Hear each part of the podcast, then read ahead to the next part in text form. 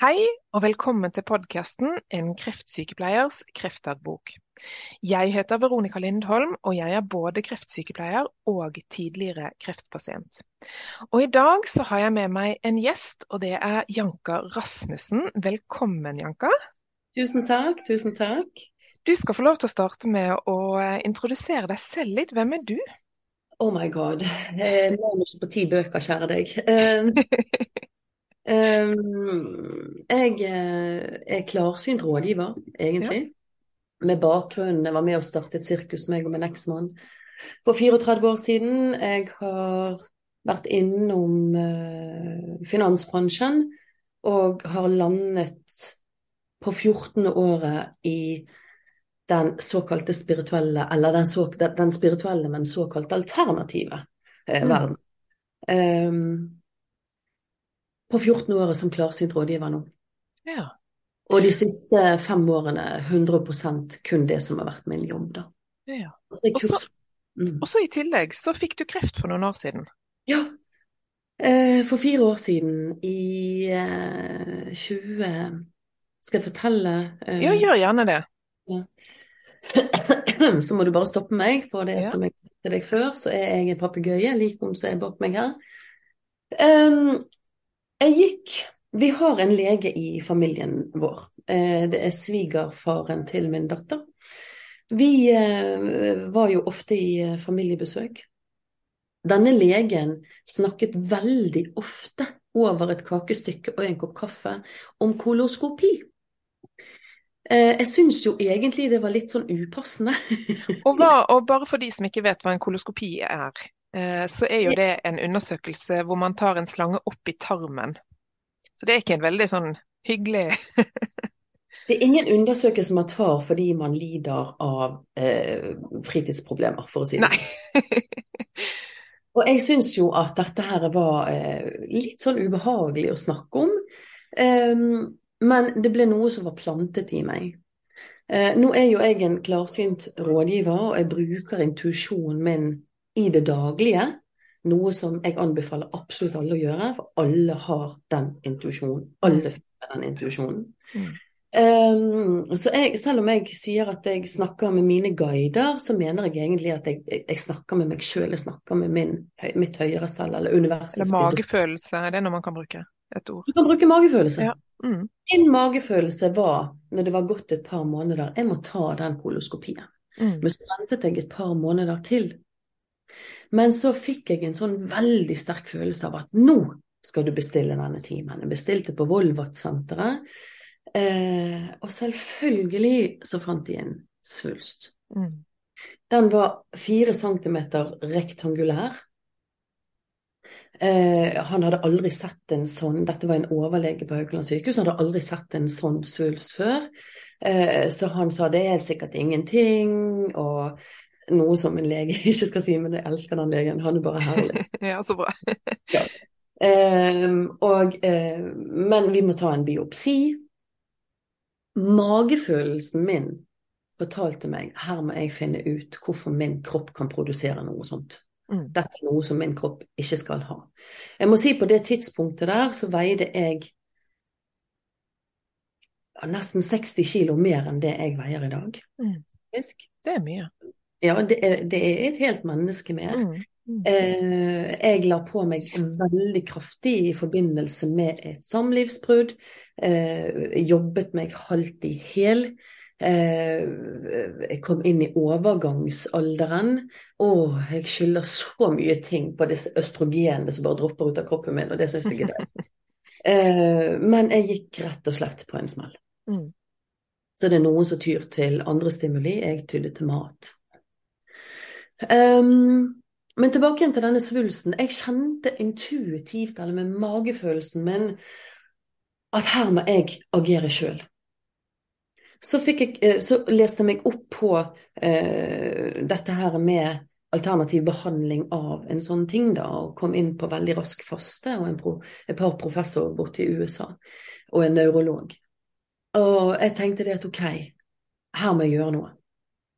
Fordi jeg fikk veldig kjapp tilbakemelding fra denne overlegen at vi må operere ut. Du har tre uker på deg, og så må du operere ut. Så 3.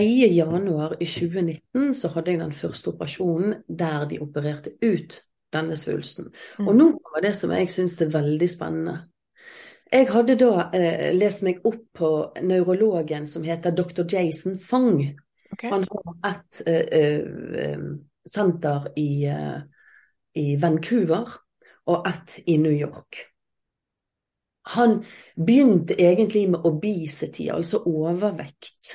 Faste ved hjelp av overvekt. Men i løpet av forskningen hans, som nå har vært mange, mange år, så så han òg det at det, har, det, er gunstig med tanke på å reversere eh, kreftceller som har gått i stå. Altså det er jo mitokondriene mm. som har stå ifølge disse professorene. Dette her sier jeg med all respekt for den konvensjonelle og den mm. tradisjonelle kreftbehandlingen. Det, mm, det, er viktig å få med. Ja, det, vi, det, det, har jeg sånn respekt for. Jeg har respekt for de eh, på Haukeland sykehus som har reddet meg, mm. jeg, men jeg har òg respekt for den forskningen. Mm. Og så har jeg tatt et valg. Det jeg gjorde som valg, Veronica, det var jeg valgte å faste. Mm. Fra dag én etter at de fant den. Mm. Jeg fastet i tre dager kun på vann ja. i uken. Og de resterende fire dagene så spiste jeg to meget ketogene måltider i løpet av dagen. Eh, sånn at det ble jo en periodisk faste, de resterende. Og det hadde kun tre uker på meg. Og det var tre uker du gjorde dette, tre dager i uken med faste og resten Tre dager med vannfaste og resten med periodisk faste med de ja, to. Riktig. Okay. Ja. Og det gjorde jeg i tre uker. Så når jeg, den 3. januar Jeg hadde faktisk, jeg hadde faktisk tarotstokken med meg på sykehuset. Jeg må jo jobbe. Jeg må jo ja. Hører du skattevesenet, jeg må jobbe. um, det var en digresjon. Dere kommer ja. til at jeg er digresjonsmester. Så kommer jeg på sykehuset, opererer ut denne her. Det skal sies at i bunnen så har jeg to angstdiagnoser. Pga. det livet jeg har levd, så har jeg virkelig drevet hardkjør i meg mm. sjøl. Så det å bare snakke om et sykehus gjorde jo at jeg gikk rett inn i panikkangst. Mm.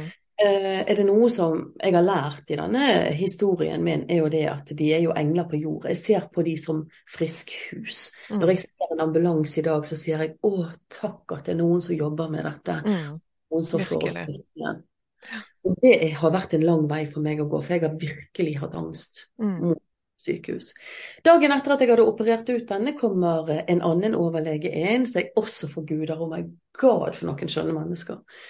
Kommer inn, og så sier hun det at ja, du kan reise hjem. Å ja, sier jeg, men du, hva var det du fant? Nei, jeg tok ut den svulsten din, da. Ja, men hvor stor var den? Nei, den var ikke så stor, den var 1,5 cm. 1,5?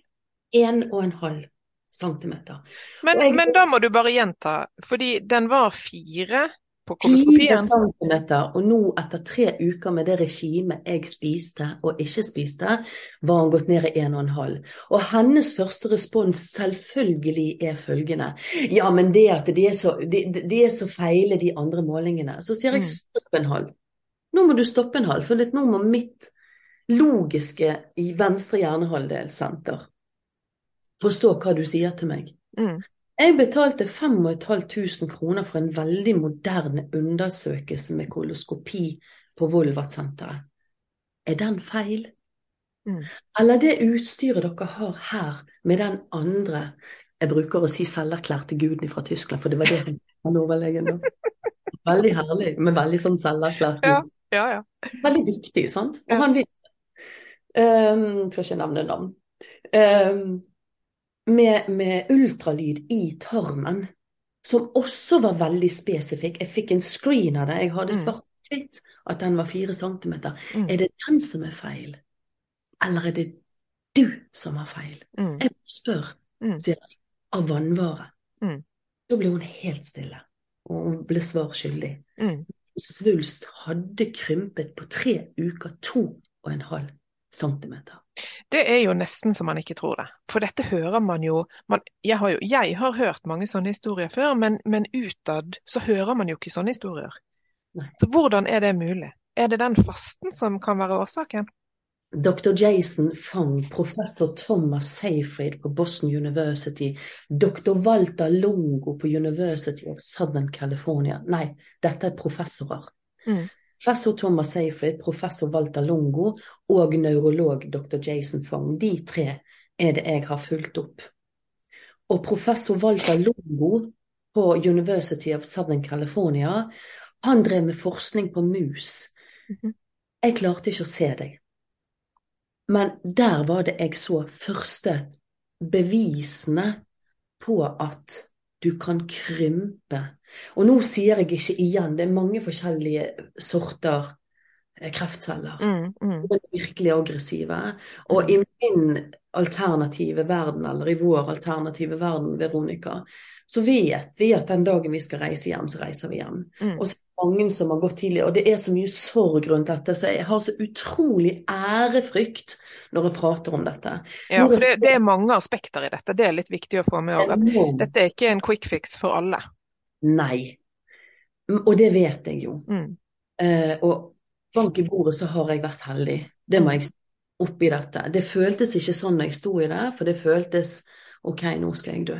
Mm. Det er jo den sjokken, eh, Ja. det sjokket du får. Ja. Var ikke klar for det, så jeg søkte. Men jeg er litt sånn som personlighet òg, at jeg må søke det. Dette kan ikke stemme, jeg må Mm. finne noe annet. Mm. Men han doktor Walter Longo, som eh, undersøkte disse stakkars musene som ikke hadde gitt sitt konsent eller sitt Mm. samtykke til dette her, da, klarte jeg som sagt ikke å se, men jeg så resultatene. Mm. Sant? Eh, av de, men han begynte å forske på mennesker, og da bare yay! Sant? For da har vi litt mer eh, med samtykke, da. Mm. Og da var det spesielt en kvinne som var dommer i New York, som hadde reist over til eh, vestkysten, ble det jo, eh, for eh, å få hjelp fra han doktor Walter Longo. Fordi at du vet det at eh, sykelønnsordningen i USA er slettes ikke det samme som vi har her i Nei, Norge. det er det ikke. Så hun hadde ikke råd til å være vekke.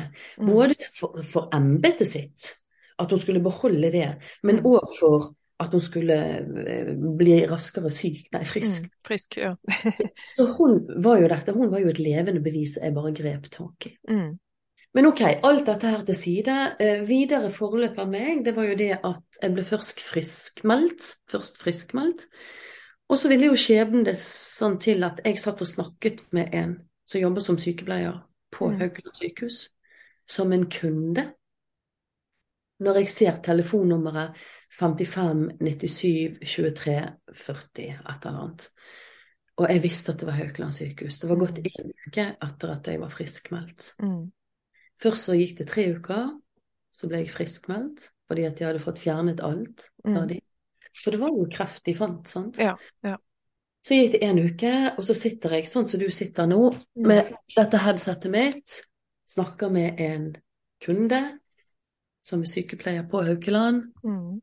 og så sier jeg til henne jeg blir nødt til å legge på Haukeland sykehusringer. Ja, legg på, sier hun. Sånn. Mm. Så ringer hun her, overlegen.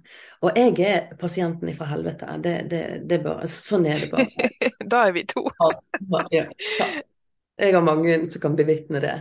Så en av de tingene jeg hadde sagt til henne da, det var det at jeg, du kan ikke ringe til meg og gå rundt grøten. Hvis Mm. det er noe, så vil jeg vite det der og da. Mm. Og det er sånn at du sier eh, det er et eller annet, kan du komme inn den og den dagen. Det beliter jeg meg ikke på, sier jeg. Jeg fra, eh, eh, fraskriver all form for dannelse når det gjelder deg og meg. Ja. Sant?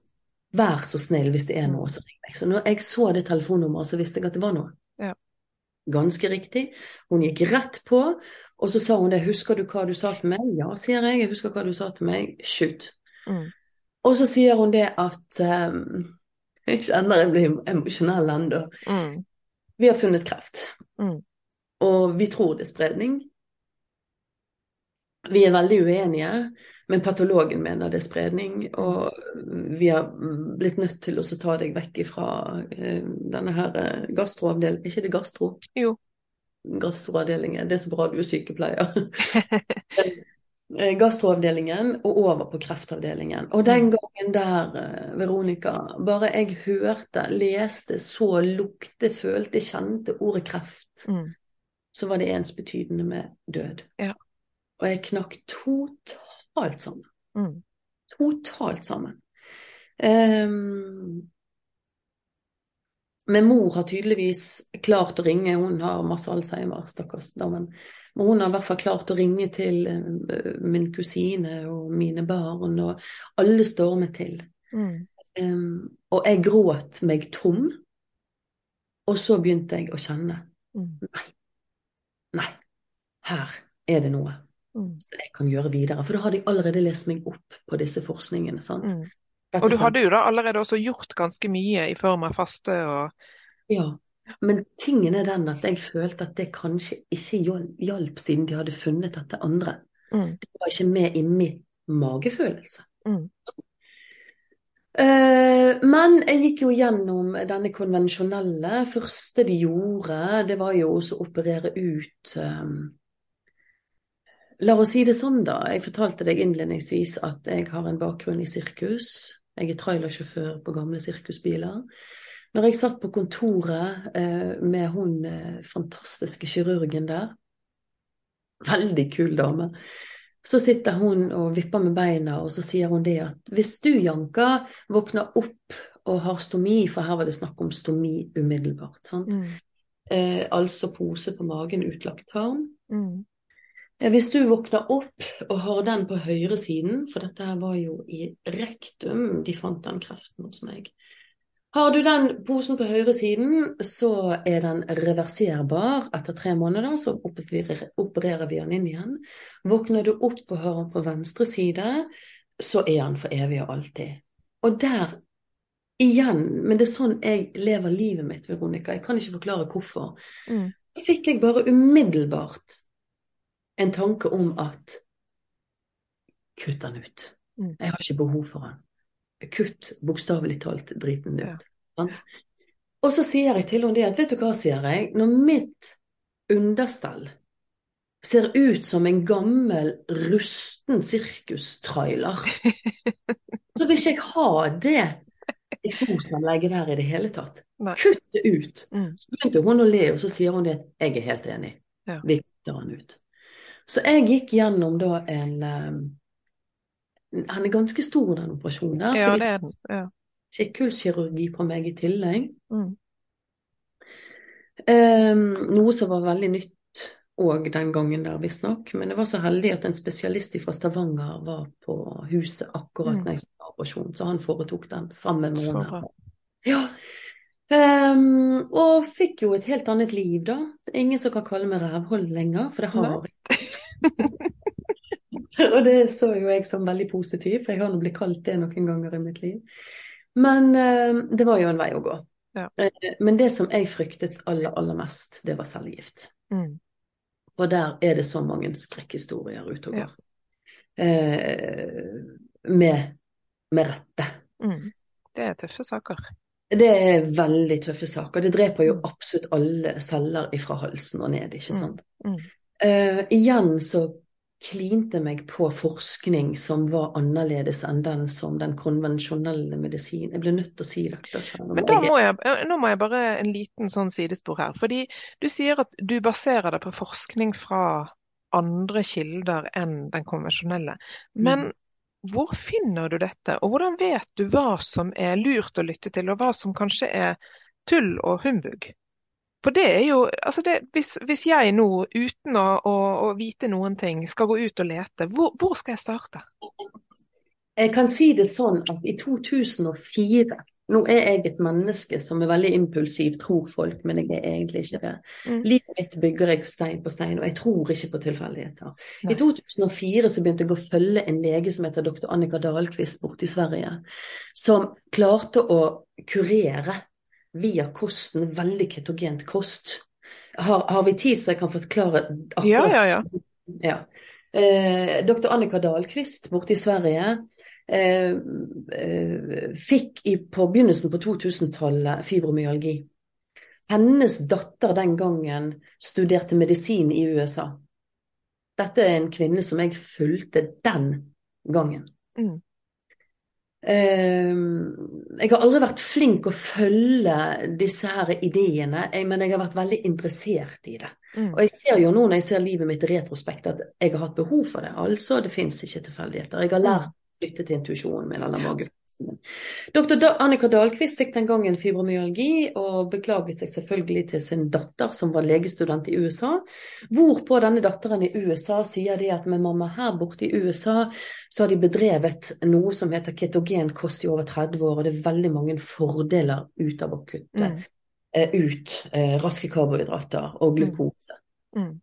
Um, hun begynte å implementere det sakte, men sikkert i praksisen sin som en kommunelege i Sverige. I Sverige, ja. Wow. I Sverige. Forsiktig, sakte, men sikkert så hun, og dette er litt farlig for meg å si igjen, men jeg sier det fordi at det var det som faktisk har skjedd. Det er bare til å finne denne kvinnen, og så finner mm. de historien hennes. Dette ligger offentlig.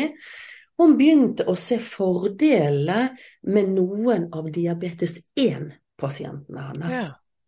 Og det er litt uh, utrolig. Det er utrolig, for det skal ikke kunne skje. Nei.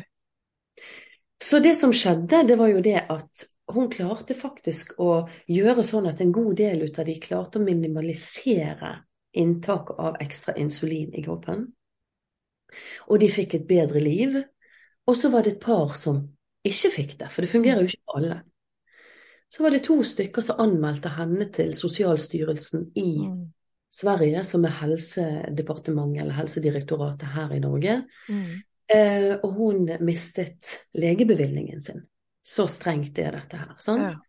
Det de sa, det er at vi trekker tilbake igjen legebevilgningen din frem til den og den professoren på Karolinska i Stockholm har gått igjennom dette her for å undersøke hva det egentlig du har gjort. Mm. For dette kan potensielt være veldig farlig. Mm. Hvilket er veldig fornuftig og veldig trygt for oss lekfolk. Mm. ja, at det er en slags kontroll på det. Ja.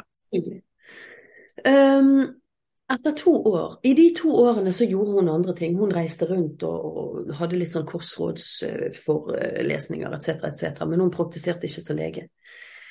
Uh, etter to år så kom denne professoren tilbake igjen med ferdig resultat, altså i 2004.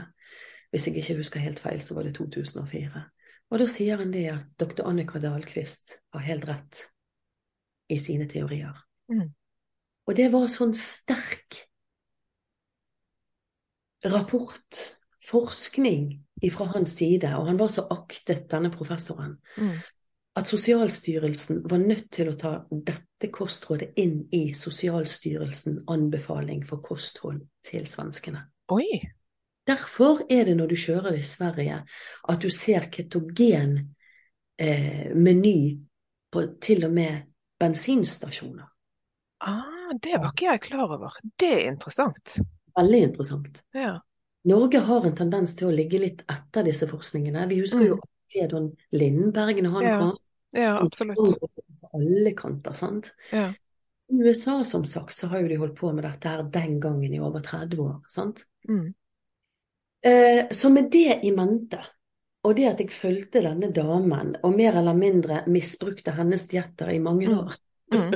hvilket bevitnet den overvekten som jeg fikk når jeg kom i overgangsalderen min, sant? som var veldig mentalt preget i mitt tilfelle. Ja.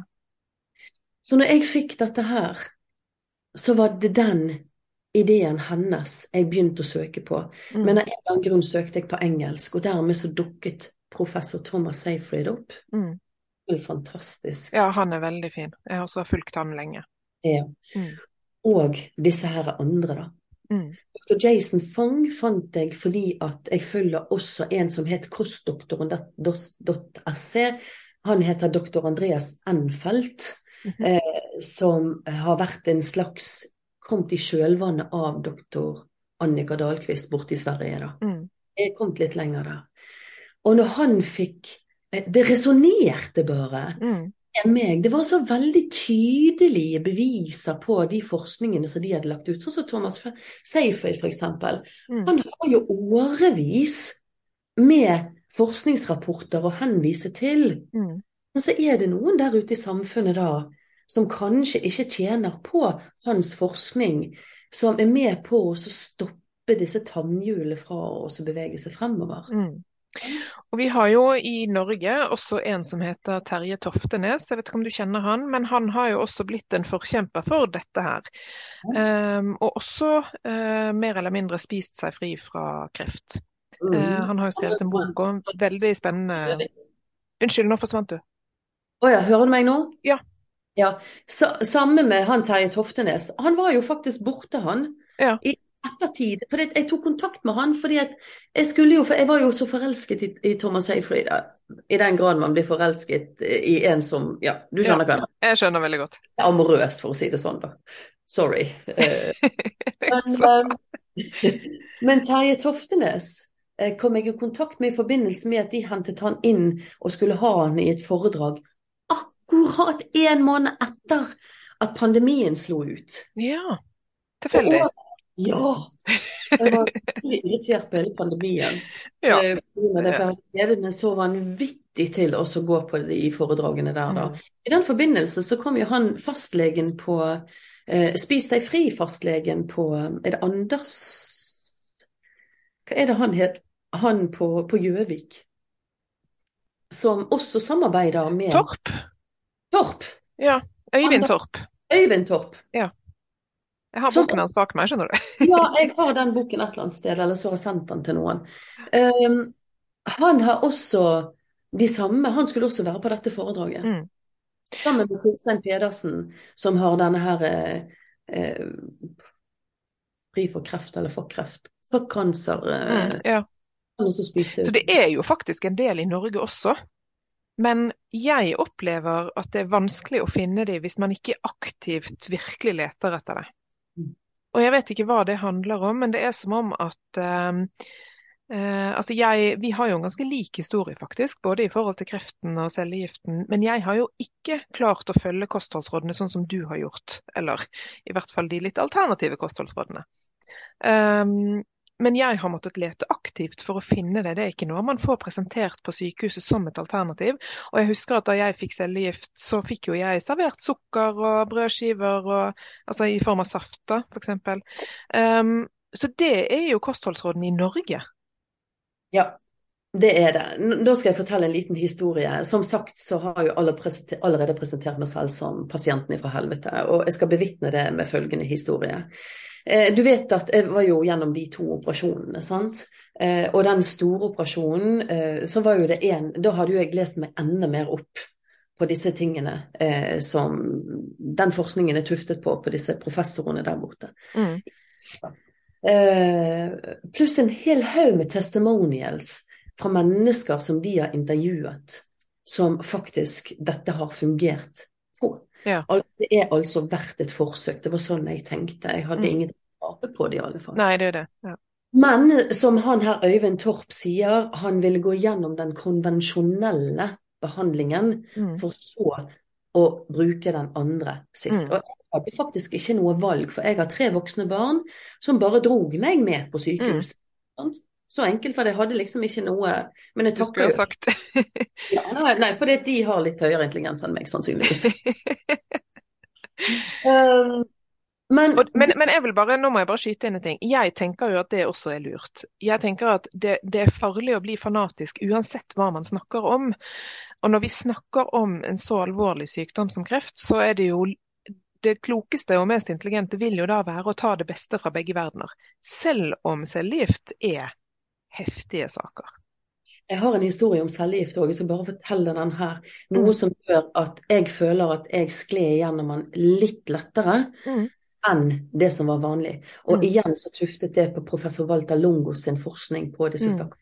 Jeg ble nødt til å si det. Jeg får helt vondt i magen bare å tenke på det. For det var grusomme bilder. Mm. Ikke... Men ok. Men det har jo hjulpet oss mennesker, da. Mm. Men ok, nei, vi skal ikke gå inn på den diskusjonen. Det kjenner jeg. Nei. men Uken før du skal gå gjennom en sånn operasjon, og det vet jo du som kreftsykepleier òg, så, så, går jo du gjennom en helt in intervjudag på ja. Ja. Alt ifra de som vasker og steller, holdt jeg på å si, til vaktmester. Nei, det er bare tull. Mm, jo, men anestesi og alle sånne ting. Ja. Alle sånne ting. Mm. sant? Leger og sykepleier, og kontordamen og, og anestesilegen og kirurgen og alt. Mm. Jeg har jo allerede gjort meg bemerket med at jeg er en høylytt bergenser. Du er jo begynt å bli litt sånn mildere. Ja, det Formet av Østlandet. Ja, og det kan jo i mange tilfeller eh, være en fordel, føler jeg. I hvert fall når jeg var litt sånn høylytt der, da. Men av Så satt jeg jo på, på dette venterommet, eh, som man sitter på alle som skal gå gjennom en sånn operasjon. Og så sensitiv så jeg er, jeg er veldig kinestetisk, altså jeg tar inn andre Mm. menneskers følelser veldig lett. Mm. Eh, og jeg satt jo der og måtte beskytte meg for disse her, men, men jeg kjente jo og følte og tok på den angsten som Ja. florerer i Som ligger i veggene, nesten. ligger i veggene. Ja. Sant? Og så ser jeg på bordet der, så er det Stratos-sjokolade, Ja. Setre-kjeks Mm. og husholdningssaft. Mm. Og jeg skal love deg at hvis jeg ikke har hatt en jernvilje før, så måtte jeg strikke meg litt ekstra jernvilje for å ikke stå opp og skrike ut Er dere gale? Mm. Det var rett og slett av hensyn til mine medmennesker som allerede var i Mm. sjokk. Krise, kanskje. Ja. krise. Ja. Gjorde Jeg hadde så lyst til å ta dem med meg og så si 'se her', jeg hadde jo PC-en med meg, Alf, jeg satt og jobbet samtidig. Sånn. Mm. Men jeg kunne ikke. Men du aner ikke når jeg så det, det satt en, en ung, ny mamma der, hun var Mm. knappe 22-23 år, brystkreft, og satt med den nyfødte babyen sin Mm. Og jeg hadde så lyst til å Men vi kan ikke gjøre det. Men du, da må jeg spørre. Vi har jo akkurat på dette punktet to veldig forskjellige historier. For du tok jo tak i dette med kosthold. Jeg gikk jo opp 30 kilo jeg, da jeg begynte på cellegift. Og det fortsatte i et helt år. etter. altså I løpet av det året så la jeg på meg 30 kilo, og de sitter jo fortsatt støkk. Og nå har jeg begynt å ta tak i kostholdet mer enn før. Men hvis du er kreftpasient og du vet dette her, for det, jeg visste jo disse tingene langt på vei jeg òg, og så greide jeg ikke å ta tak i det. Hva er det som gjør um, at, at du har greid det, jeg har ikke greid det? Hvor vi egentlig er ganske lik situasjon. I hvert fall ytre sett. Hvis jeg skal koble på intuisjonen min nå, Veronica, så føler jeg at du trengte å gjøre det av to ting. Jeg føler det, det var en slags beskyttelse for deg, og så Mm. vet jeg, og at du har vært åpen om òg, at du var alene med en datter. Mm. Og det er viktig for deg å ha den beskyttelsen overfor deg selv og henne, og leve så normalt som mulig. Men rent energetisk så føler jeg at det var en beskyttelse, Ja, ja det, og det, det er riktig i forhold til min situasjon, men, men samtidig så var det Jeg ønsket jo egentlig å ta tak i det, jeg, men jeg klarte det ikke. Og jeg spiste meg opp istedenfor. Mm. Um, og hva, hva kan man Kan man gi et råd til de som kanskje sitter nå og har lyst til å begynne med dette her? Hvor starter man? Hvordan kan man ta tak i dette på en måte som gjør at man klarer å stå i det, på tross av den angsten og smerten man kanskje også bærer på i en, i en vond situasjon? Ja, og det var akkurat den som gjorde at jeg eh, Du må huske på at i bunnen så har jeg en panikkangst. Mm. Og jeg følte at jeg var trykket så langt opp i et hjørne nå at for meg var det make it or break it. Mm. Sant? Og at det kanskje er der at man må konfrontere så sterkt at nå er det enten-eller. Enten eller. Mm. For jeg føler jo òg, og det er derfor jeg i, i år, på femte år Jeg har nettopp hatt en sånn fireårs CT. På, I USA så kalles det for scansiety. Mm eh, på, på, på engelsk kalles det for scansiety, altså du har angst for skanningen din. sant? Mm. Det tror jeg veldig, veldig mange kreftpasienter har. Veldig vanlig. Helt vanlig, og det er helvete Mm. hver gang eh, du sitter og venter på den eh, telefonen. Mm. Um, for det, nå er det etter pandemien, før så måtte jo du på sykehuset. Eh, og, og i etterkant eh, så kjenner jeg det at hadde jeg fått fordi at i 2020, august 2020 så fikk jeg beskjed om at her var det endringer. Og da var jeg litt uheldig med den legen som presenterte dette her til meg, for hun sa du har tre alternativer fordi at jeg ser endringer på det. Vi Mm. ser det. Og de tre alternativene er at vi går inn og tar en biopsi på det vi ser, men det går ikke fordi at den ligger for nærmt stomien. Mm. Så tenkte jeg i mitt hode ok, var ikke det bare to igjen da? Ok. Mm. Nummer to, vi går inn og opererer ut dette, men det går ikke fordi at den er for nærmt stomien. Og så tenkte jeg nå er jo det faktisk bare én igjen, jeg er veldig nysgjerrig på hva den mm. er. Mm. Vi begynner på cellegift i morgen. Det den, det budskapet der, mm. det satt som et fysisk knytteneveslag rett i solarplexus. Mm. Hun ga meg ingenting, for det jeg følte da, det jeg så for meg OK, kreften vant over meg. Mm. Det, det jeg gjør, har ikke hjulpet. Mm. Og hvis ikke det jeg gjør, så er så ekstremt drastisk, mm. sånn som jeg lever Det er så ekstremt drastisk at ja, det er det jo at jeg er ko-ko for lenge siden, mm. så er det ingenting som hjelper. Skjønner du? Mm. Så jeg har jeg, jeg skylder litt på angsten min på at hvis dette jeg ikke lever på Jeg gjør kun og blott fordi at jeg har en vilje til å leve. Jeg føler jeg ikke men, men hva valgte du, da? Hvordan jeg, hvordan jeg spiser? Nei, du fikk jo de tre valgene. Hvilke, hva ble det til, da? Ja, hun ga meg ut av valg til slutt der. Det hun, eh, jeg sa det, det, det jeg gjorde. Pasienten ifra helvete. At jeg eh, hadde fått pusten igjen, for jeg følte at jeg, eh, hun punkterte meg. Mm. Sank sammen i stolen. Min sønn var med meg. Han tar faktisk master i psykologi i disse dager, så, mm, på grunn av moren, sannsynligvis. Um, så han snakket jo rolig med denne her, så langt borte så hørte jeg hans stemme. Jeg kom til meg sjøl igjen. Og jeg reiste meg opp, drog ned buksen min foran min sønn, altså, igjen master i psykologi, sant? og tok tak i valken i, rundt magen min, og så sier jeg vel har jeg tatt av mange kilo, men det ligger fremdeles fett igjen under her. Mm. Det du ser er fett. Hvorpå hun svarer nei, det er det ikke, fordi jeg vet hvordan fett ser ut. Og så sier hun det at men nå i morgen klokken fire kommer vi til å ringe til deg, for i mellomtiden så skal vi ha et tverrfaglig eh, møte på deg med kreftavdelingen, med gastroavdelingen, patologiavdelingen pluss tre andre overleger. Mm -hmm. Altså 26 timer senere skulle jeg få den dommen min. Mm. De 26 timene unner jeg ingen. Nei, det er heftig. Absolutt ingen. Med alle de verktøyene jeg har i min jobb, så ligger frykten der noe mm. så viktig, men òg som en trigger til å leve fortsatt sånn som jeg lever. Mm. Klokken slo fire dagen etter, da var det gått 26 timer, og da hadde jeg på forhånd gitt samme beskjed til henne som til overlegen. Ikke presenter deg, jeg vet hvor du ringer ifra, bare mm. gå rett. Det den damen tillot seg å si til meg da, hvilket jeg var så overlykkelig for, det var det at eh, som, eh, som vi tenkte så var det ingenting. Dette er kun fett. Wow. Det var ordene hennes. Oi, oi, oi. Hvorpå jeg svarte henne i lykkerus, jeg mm. mente ikke sarkastisk i det hele tatt. Å, jeg er så takknemlig, å, du er så flink å kommunisere, du burde virkelig utvikle den kommunikasjonsprosessen din enda mer. Jeg ser jo i ettertid at jeg kan jo ha virket veldig sarkastisk, sant. Eh, og kan godt hende det var sjelen min som mente det sarkastisk, ja. men mitt hjerte var bare takknemlig. Ja. Men det er, de, det er, de, tingene der som gjør at jeg fremdeles på femte året mm. lever sånn som jeg lever nå. Mm. Og, det og fortell, hva er det du Hvordan lever du? Det første som skjedde meg etter at jeg kom hjem fra den operasjonen, etter at de hadde operert ut eh, amputert rektum da, og lagt ut tarmen min, det var det at jeg har en fantastisk. Jeg har flere, to svigersønner, men han her eh, har en lege til far. Mm -hmm. Og også er litt sånn ukonvensjonell. Han har praktisert i 40 år, denne legen. Eh, men har alltid vært på søken etter nye ting.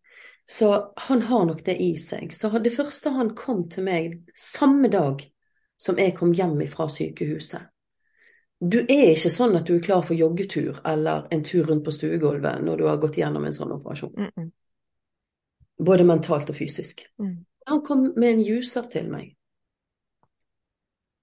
Og jeg er veldig glad i Det høres ut som jeg har drikket Bloody Mary i hele mitt liv, men det har jeg ikke. Men jeg er veldig glad i stangselleri, hvilket jeg ikke kan spise lenger pga. Nei. Og det er vanlig når man har hatt tarmkreft, selv om man ikke har stomi. Ja. Mm. Det er veldig mye jeg ikke kan spise pga. stomien, Mm. både når det gjelder eh, luft og disse trevlene. Ja. Eh, Men han kom med en juicer, og så kom han med en bunt med eh, stangselleri. Og så sier han nå skal du juse, for nå skal du komme deg på beina igjen. Jakob. Mm. Og jeg tenkte Bloody Mary av en eller annen grunn, for min mor, for jeg bodde hos min mor akkurat da, for jeg bodde jo i en annen kommune, men unger, ungene mine hentet meg hjem igjen til Bergen. Ja, så bra. Det så tomater der, og så tenkte jeg mm, Bloody Mary, jeg har aldri drukket det noe særlig, men det var det jeg tenkte. Og så blandet jeg tomater og stangselleri og bare å god, dette kan jeg leve på. Ja. Og på grunn av noe som jeg også er veldig interessert i, nemlig kvantefysiske, nemlig det å manifestere tingene i livet, Mm. så lytte til sitt høyere selv, Mm. så ville de såkalte tilfeldighetene dette at jeg samme dag kom over medical medium. Ja. Han har jeg også fulgt. Og plutselig så kom jeg over medical medium som snakket varmt om sellerijusens benefits. Ja. Og leste meg opp på dette her, og skjønte jo det at det kunne jo ikke bli noe Bloody Mary på meg i det hele tatt, for dette, dette var jo kun snakk om sellerijus. Mm. Og da tenkte jeg ok, der var en begynnelse. Mm. Så det jeg gjorde da, det var at jeg brukte magefølelsen min og søkte Mm. hva er bra for meg. Første er fasten. Den, den gir jeg ikke slipp på. Så det jeg gjør nå, det er det at jeg forguder dr. Jason Fang. Han er, folkens, gå inn og lytt til alt han har. Han er så down to earth, den dr. Jason Fung. Og han kan man finne på YouTube, eksempel. YouTube og på internett. På, Ja. Han har sin egen hjemmeside, han er overalt hvis du bare leter etter han. Ja. Har en sånn laidback, fantastisk måte som når inn til meg i hvert fall på. Så jeg fort, fortsatte med intermittent fasting, altså periodisk faste. Lyttet på Medical Medium.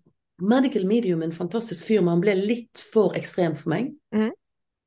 Så jeg plukket med meg det som jeg kjente korrelerte med mine energier. Mm. Så jeg, fra den dagen der, dette var i mars i 2019, Mm. fra til dags dato, så spiser jeg følgende. Julaftener, 17. mai, konfirmasjoner, bryllup, Alt. Og- Aldri utskeielser. aldri utskeielser. Nei. Min personlighet kan ikke tillate det. Nei. Jeg er enten-eller-person. Mm. Um, da starter jeg, da bryter jeg fasten imellom tre og fire. Mhm. Så du faster fra du står opp til tre-fire om ettermiddagen? Jeg drikker kun grønn økologisk te. Ok. Drikker utenom. Hver eneste dag, og det har jeg gjort nå dette femte året. Ja.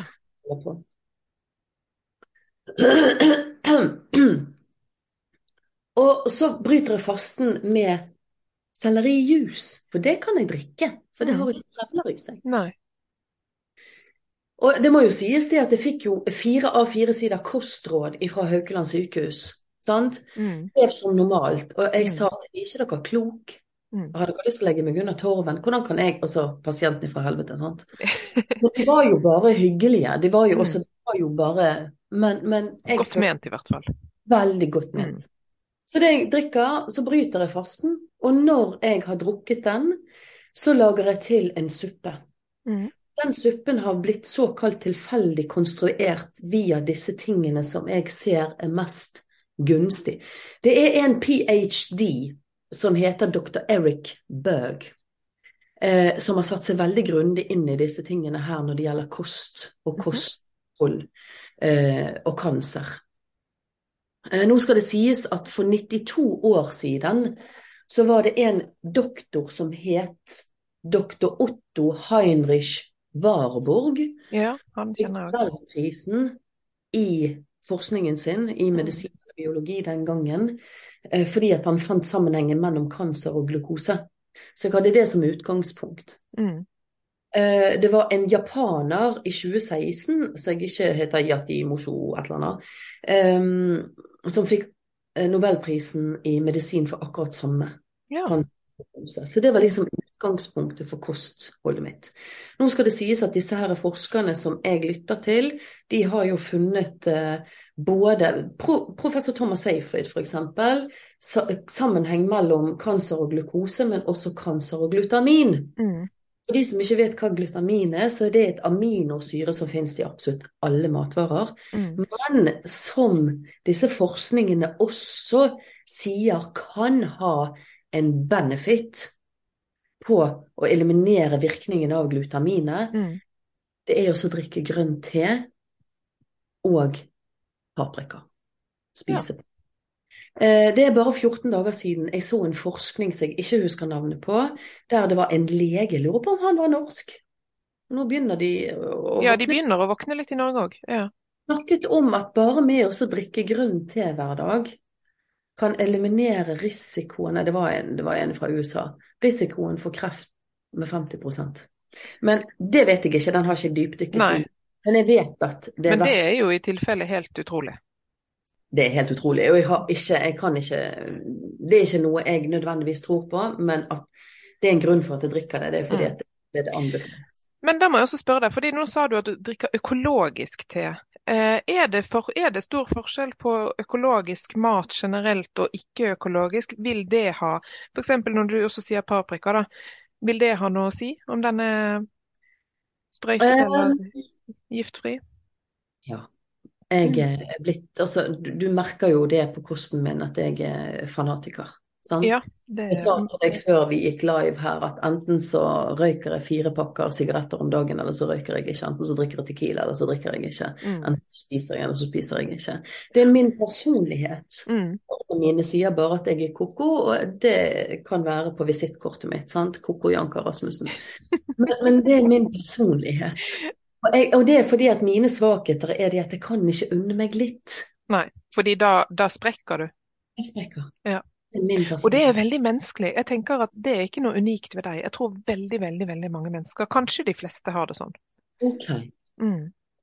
Jeg, jeg syns jeg hører det nesten alle steder. At det er fåtallet som greier å balansere jevnt. Ja. Mm. Okay. Mm. Og det handler jo kanskje også om avhengighet. Ja. En, en, ja. og der kan jo vi gå tilbake igjen fra dette her indre barn og de blokkeringene som ligger der. Noe mm. som jeg følte sånn rent spirituelt sett. Mm. Årsaken til at jeg fikk det i roten, for det, der sitter jo i min verden rotsjakra, noe som har med oppveksten min å gjøre. Mm. Mm. Der har jeg eh, ti bøkers manus, og det skal ikke gå inn på her nå. Nei, og jeg tenker at eh, vi skal lage Jeg har veldig lyst til å invitere deg inn igjen, eh, Janka. fordi at jeg, du har jo så mye spennende å komme med. Og jeg vet jo også at du driver noe som heter eh, Magiske mirakler. Skap magiske mirakler i ditt liv. Skap magiske mirakler. Og det tenker jeg at vi kan eh, sikkert lage en helt uh, egen episode om. For dette her det, Nå har vi jo snakket om kosthold, og det er utrolig spennende. Men jeg er av den overbevisning om at kreft og sykdom i det hele tatt kan komme av veldig mange forskjellige ting. At det kan være forgiftninger, overbelastninger, stråling, kosthold. Altså det er jo summen av veldig mye. Og så er kosthold kanskje en viktig puslespillbrikke. For meg så har det vært litt andre ting som har vært en hovedfokus i selve sykdommen. Eh, men kosthold spiller selvfølgelig en stor rolle. Så jeg tenker at her, her kan vi, vi kan snakke i flere dager om dette her. Ja, det, det, altså, du har puttet en penge på meg, det sa jeg jo. Det som jeg, men, kan jeg bare få si akkurat bitte lite grann til? Ja, veldig gjerne. Det, det, jeg tror, det jeg tror som, som, korrelerer veldig med altså jeg, jeg, blir nødt til å ha logikk, selv om jeg jobber i den åndelige verden. Så, eller den såkalt alternative verden. Mm. Ikke mer, han er jo mange titusen årvis eh, gammel. Men, men, så må likevel venstre hjernehalvdel eh, ha en, en, logisk tankegang oppi ja. dette. Og, og når jeg sier det at de sier at det er en mitokondrial metabolistisk sykdom, så føler jeg Nå har jo jeg astmatisk allergi. Mm. Det vil si det at jeg tåler ikke pelsdyr. Da får jeg astma av pelsdyr, samtidig som jeg får allergi av pelsdyr. Mm.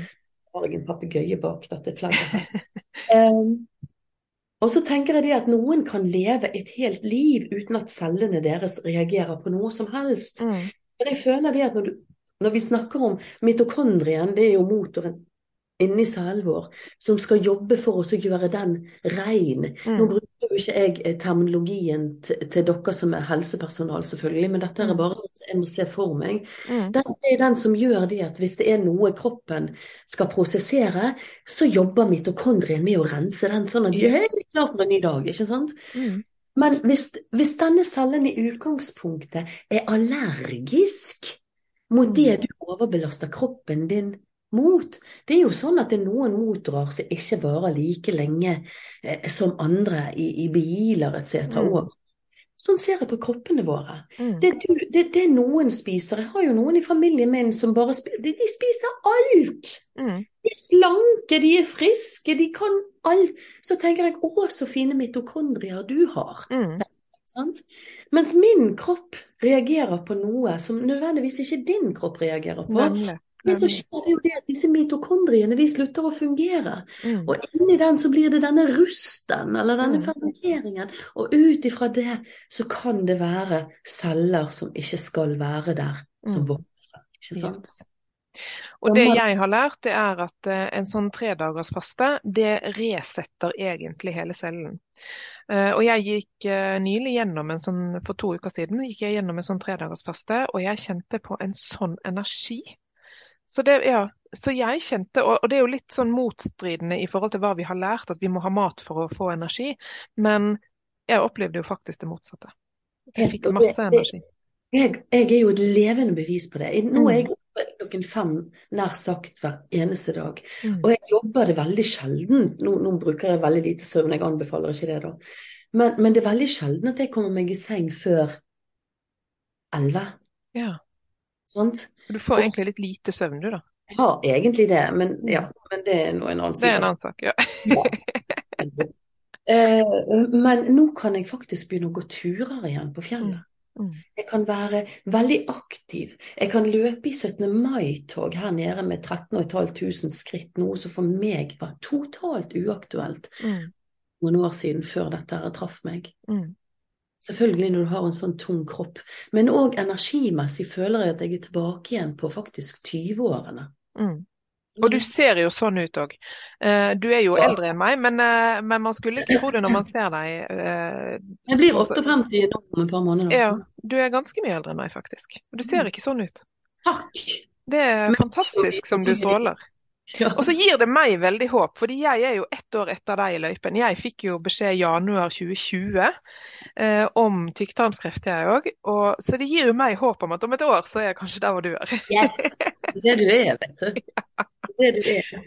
Mm. Uh, men igjen så kjenner jeg at uh, dette her er jo vår historie. Dette er min historie, du har din historie. Og jeg er så ekstremt ydmyk for alle som opplever det annerledes. Mm. For det er forskjell. Det er veldig forskjell, men Mm. søk for guds skyld opp noen alternativer likevel. Og så er det kanskje verdt et forsøk, om ikke annet. Fordi du, du skader i hvert fall ikke kroppen ved å spise litt annerledes. Det, det er kanskje det viktigste. Og det mange kanskje reagerer på når de hører f.eks. lavkarbo, det er at mange tenker at da skal jeg spise bøttevis med bacon og fett, men det er jo ikke sånn det egentlig Det er jo i hvert fall ikke det som blir anbefalt, sånn som jeg har fått forståelse på. Unnskyld? Skal jeg fortelle hva jeg lever på? Ja. Eh, når, etter at jeg har laget den eh, juicen, så hiver jeg eh, en boks med, med tomater, sånne ferdig crushet økologiske tomater. Jeg vet ikke hvorfor jeg sier Jeg kjøper økologisk. Jo, det er viktig. Jeg syns faktisk det er et viktig poeng. Fordi at maten vår er full av giftstoffer i dag. Så, så jeg har lyst til å slå et slag for økologisk. Ja, okay. Giftfri, er kaller jeg det. Eh, tomater oppi en gryte. Eh, og så, uh, for at jeg ikke For jeg har jo tatt veldig mye av, og jeg balanserer kroppen min om dagen. Etter at jeg løp rundt som en gærning nede i Bergen sentrum på 17. mai her med Fyllingsdal teater, uh, som er veldig gøy, så raste jeg ned to kilo. Det, det kan jeg ikke lenger. Jeg kan ikke. Så det jeg gjør da, det er det at jeg spiser økologisk egg. Nå er jeg oppe i fire egg som jeg har på en svak varme mens jeg lager suppen min. Som det- type speilegg, eller? Ja. Ja. Jeg tar kakker det og hiver det oppi, kakker det og hiver det oppi fire egg. Vanligvis Ja. Jeg har begynt, jeg, jeg har gått ifra to egg om dagen, og nå er jeg oppe i fire for å holde vekten min. Mm. Og det som skjer da, det er det at jeg har brokkoli. Jeg kan ikke spise stammen av brokkoli. Jeg Mm. kutter den inn sånn at jeg får den indre stammen, for den kan jeg spise, den er veldig næringsrik. Mm. Men blomsten Ja. Blomsten av brokkoli inneholder noen substanser som jeg ikke husker navnet på, som reparerer ødelagte celler. Og da har jeg også lyst til å si brokkoli og tomat sammen har en helt unik effekt. Eh, hver for seg, varm tomat. Hver for seg har det ikke den samme effekten, men sammen har det en veldig veldig kreftforebyggende effekt. Og Det husker jeg allerede da jeg var student i 2003-2004, at overlegen på den avdelingen jeg var, anbefalte det til prostatakreftpasientene. Nei, du tuller med meg, det visste jeg ikke. Jeg gåsehud. Ja. Dette har jo jeg gjort intuitivt òg med å så leite, sant. Ja. Så, så brokkoli Nei, å gud, mm, elsker Mm. det. Ehm, oppi denne her, og så hiver jeg oliven, økologisk oliven oppi av fettet. Jeg trenger Mm. fett. Ja. Så hiver jeg økologisk paprika oppi Ja. av glutaminet. Mm. Det står og putrer mens jeg skjærer opp avokado, enten én eller to avokado pga. fettet, Mm. men òg fordi at de også har noen næringsstoffer som er beneficial for dette som vi snakker om. Så mens suppen min eh, damper seg ferdig, fordi du skal aldri oversteike noe, du skal aldri, du skal bruke litt tid, sånn som man gjorde i gamle dager. Mm. Mm. Det er jo derfor det heter break fast, breakfast. Mm. for eksempel. Det er en annen greie, det kan vi gå inn på. Når den står og putrer, så spiser jeg eggene og avokadoen som en slags forrett. Mm. Og jeg bruker god tid. Jeg bruker i hvert fall, jeg setter av i min hastige, lystige verden, så setter jeg av. Det en hellig tid for meg, de to timene jeg bruker på å spise. Mm. Spiser jeg den, og så spiser jeg suppen min etterpå. Mm. Og så avslutter jeg kvelden med å For det, eh, jeg avslutter kvelden med å spise salatblader dekket med snøfrisk. Jeg har kuttet Å, ut det hørtes godt ut. mm, Det er veldig godt.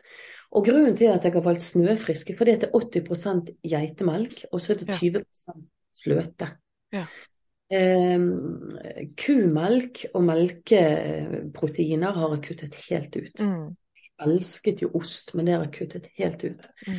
Men så må jeg ha de salatbladene pga. fiberen, og så får jo jeg fiberen gjennom eh, sellerijusen òg. Mm. Eh, og fettet av snøfrisken Mm. og smaken. Ja, det er jo godt. Ja. Så avslutter jeg hele gildet om kvelden sånn i ja, før ti, rundt ti, før jeg går og Mm. legger meg. Så jeg har et spisevindu fra fire til ti, sant. Uh, med at uh, jeg spiser bær, økologiske bær når jeg får tak i det, bringebær eller jordbær. Nå har jeg nettopp sett en studie at jordbær er veldig beneficial, selv om det er Mm. litt høyere karbohydrat. Økologisk viktig. Økologisk. Ja. Ja. Med kefir på, sånn at jeg får probiotikaen til tarmene. Ja. ja. Så da har jeg både prebiotika i form av eh, salaten og grønnsakene, Mm. og så. Innimellom, nå når jeg har bygget meg opp igjen eh, i, i kilo etter at jeg raste ned rundt 17. mai, Mm. så legger jeg feit fisk inn i måltidet. Mm. Det spiser ikke jeg hele tiden lenger. Kjøtt har jeg kuttet totalt ut. Jeg har ikke spist kjøtt på disse fem årene. Eller Mm. disse mm. Jeg hører jo at det er ganske ekstremt. Um, ja. Men hvis, eh, hvis, hvis det er noen som lytter nå og tenker at oi, dette var veldig mye, det var litt overveldende, kan du komme med ett tips som, som kan være en sånn god start, en god ting som de fleste kan få til? Ja. Det kan være det at uh, begynn med periodisk faste, og Mm. spis det du vil mellom tolv 12 og 8 f.eks. Mm. Uh, men begynn med periodisk faste. Nå, nå faster jo jeg eh, er det 16 til 18 timer. Av og til så har jeg vært oppe i 20. Mm. Men det er, for, det er mitt nevrotiske selv. Mm. Eh, og i de måltidene du spiser, prøv så godt det lar seg gjøre å kutte ut raske karbohydrater. Mm. Form av eh, loff, i form av rent raffinert sukker, i form av de søteste fruktene, Mm. i form av ja, den raske maten. Begynn å Mm. tenke sånn som vi levde før i gamle dager. Mm. Der vi, har, der, vi, der vi hentet mat fra jorden, der vi drev vekselbruk, sånn at vi hadde næringsstoffene fra jorden. Det er jo det som er Mm. positivt økologisk. Eh, begynte å tenke sånn, De spiste, de kombinerte poteter og kjøtt og spiste det de kunne. Mm. Men de la seg gjerne klokken åtte og fastet naturlig til klokken seks neste Ja. morgen. Og det vi gjør i vårt moderne samfunn, det er det at vi sitter i kø som maur på vei til jobbene våre. Og for at vi skal holde oss oppe, så drikker vi haugevis med kaffe, hvilket også viser seg at det kan være sunt, da. Mm. Men så er vi gjerne innom og fyller eh, påfyll på bilen vår, enten det er strøm eller eh, petrol eller hva det er for noe. Mm. Løper inn og kjøper oss en pølse eller en sjokolade for å holde Eller en brus, eller eller en brus eller en bolle eller noen drops eller en tyggis. Vær bevisst på det du spiser i deg, så har disse lure. Disse Mm. søtingsmidlene har det vært veldig mye om i det siste. Ja, det har det. Det er kommet noen utrolig store studier som vi ikke trenger å gå inn på nå, men at aspartam er mye verre enn det man har. Mye verre enn det Ja. man har trodd. Spis så naturlig som mulig. Mm. Som en bonde på 1800-tallet. Fantastisk. Du, dette var eh, overveldende mange, mange gode råd og mange spennende navn eh, å søke opp og mye å sette seg inn i. Eh, Men før vi avslutter, så har jeg lyst til å spørre hvor kan man finne deg hvis man har lyst til å vite litt mer om hva du driver med? For du driver jo med ganske mye annet enn kosthold. Ja, kosthold er jo bare noe jeg gjør privat, og så Ja. startet jeg en Instagram-konto rett etter dette her, da, så jeg kalte for Jankas tanker, kost og kreft. Men fordi at jeg eh, har faktisk kurs i manifestering etc., så tenkte jeg ikke er kul om jeg skal bruke det kreftordet noe Nei. mer. Det er jo min usikkerhet rundt det. Mm. Så den, den, eh, den kontoen heter Jankas tanker kost og kropp nå. Eh, Jeg har bare sånn 129 medlemmer der eller noe sånt, eller følgere. Så har jeg en eh, Facebook-gruppe som heter Jankas tanker. Mm. Så har jeg en Facebook-konto som heter Jankas tanker. Nei, nei en, en eh, Instagram-konto som heter Jankas tanker. Um, men, men hvis dere skal vite om de kursene som jeg har, så er jo det Jeg har tarotkurs, så har jeg en medlemsportal, så jeg har mange minikurs der jeg har to livesendinger hver måned, der vi har et, et nytt eh, tema hver gang. Kjempespennende. Eh, neste uke skal vi ha om regresjon. Jeg har et lite minikurs allerede på portalen min om regresjon. Nå skal vi virkelig dypdykke. Dere har begynt på allerede. Jeg gleder meg. Elsker det. Ja, det er gøy. Å, elsker det. Men der ligger det alt ifra uh, uh, law of attraction-kurs til meditasjoner, til drømmetydning, regresjon, litt om tarot. Men uh, altså, det er jankastanker.com backslash tarotkurs, Mm. eller jankastanker.com backslash magiske mirakler. Ungen etter munnen her nå. Ja. Det er de to der, der finner du informasjon om dette galskapen som går på med. Da. Ja, flott. Og så håper jeg at, eh, at du har lyst til å komme tilbake og fortelle om disse tingene i en eh, ny episode. Fordi eh, jeg hører at du har veldig mye du kan bidra med til veldig mange mennesker. Jeg føler meg beæret, Veronica. Tusen takk. Og ja, Selv takk. Selv takk. Takk for at du ville komme. det er jo bare hyggelig. Ha det bra. Ha det.